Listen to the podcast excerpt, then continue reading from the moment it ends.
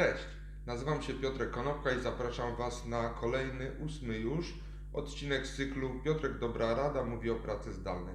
Dzisiaj powiem o procesach i procedurach, a jako przykład wybrałem dwa wydawałoby się najprostsze procesy, czyli podpisanie umowy o pracę oraz podpisanie listy obecności przez pracownika. Przyjmijmy, że to będą pracownicy w pracy stacjonarnej i zdalnej i pra- to będą pracownicy, którzy są zatrudnieni na podstawie umowy o pracę. Jak wygląda stacjonarne podpisywanie umowy o pracę?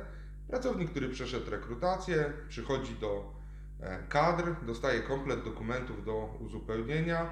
Oczywiście po drodze musi też uzupełnić kilka, przynieść ze sobą kilka dokumentów, takich jak na przykład świadectwo pracy. Na miejscu pani w kadrach sprawdza poprawność wypełnienia wszystkich dokumentów. Przygotowywana jest umowa o pracę do wydruku.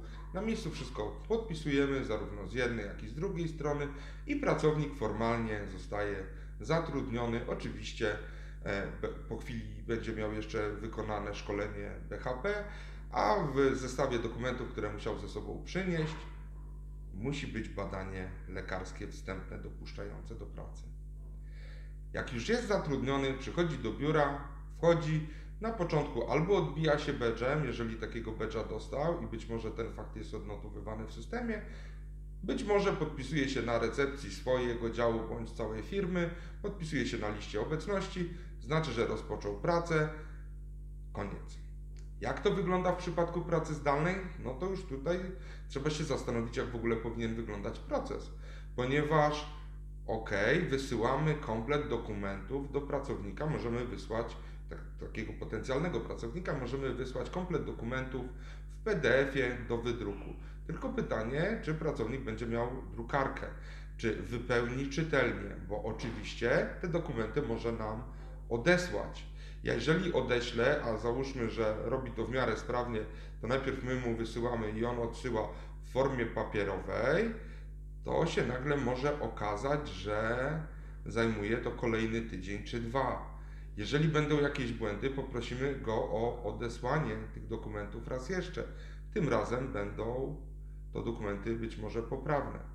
Warto się zastanowić nad tym, czy w procesie zdalnym nie wysyłać dokumentów przygotowanych elektronicznie, ale pustych i czy nie poświęcić kilka minut pracownikowi na to, aby te dokumenty wspólnie z nim wypełnić, tak żeby otrzymać komplet dokumentów wypełniony tak, jak powinien być wypełniony prawidłowo.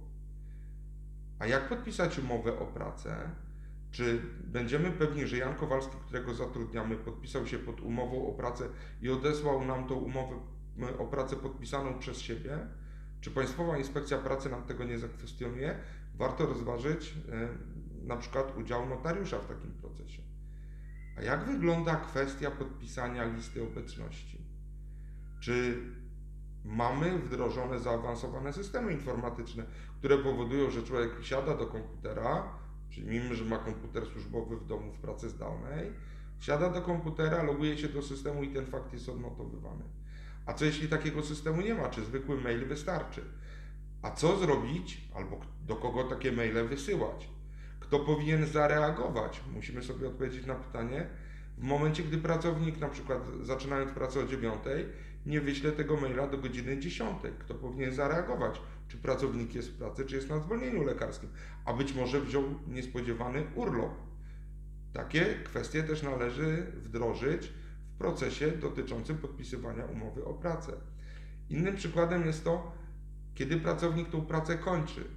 Czy kończy po 8 godzinach, z defaultu przyjmujemy i nikt nie wysyła żadnego maila z informacją zakończyłem pracę na poniedziałek i to już jest koniec?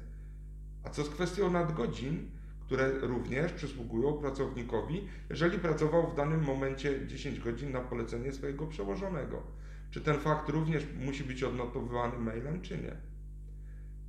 Jeżeli chodzi o procesy zdalne i stacjonarne, to nie jest tylko powiedzenie pracownikowi: Tutaj masz komputer służbowy i wysyłaj mi efekty pracy mailem.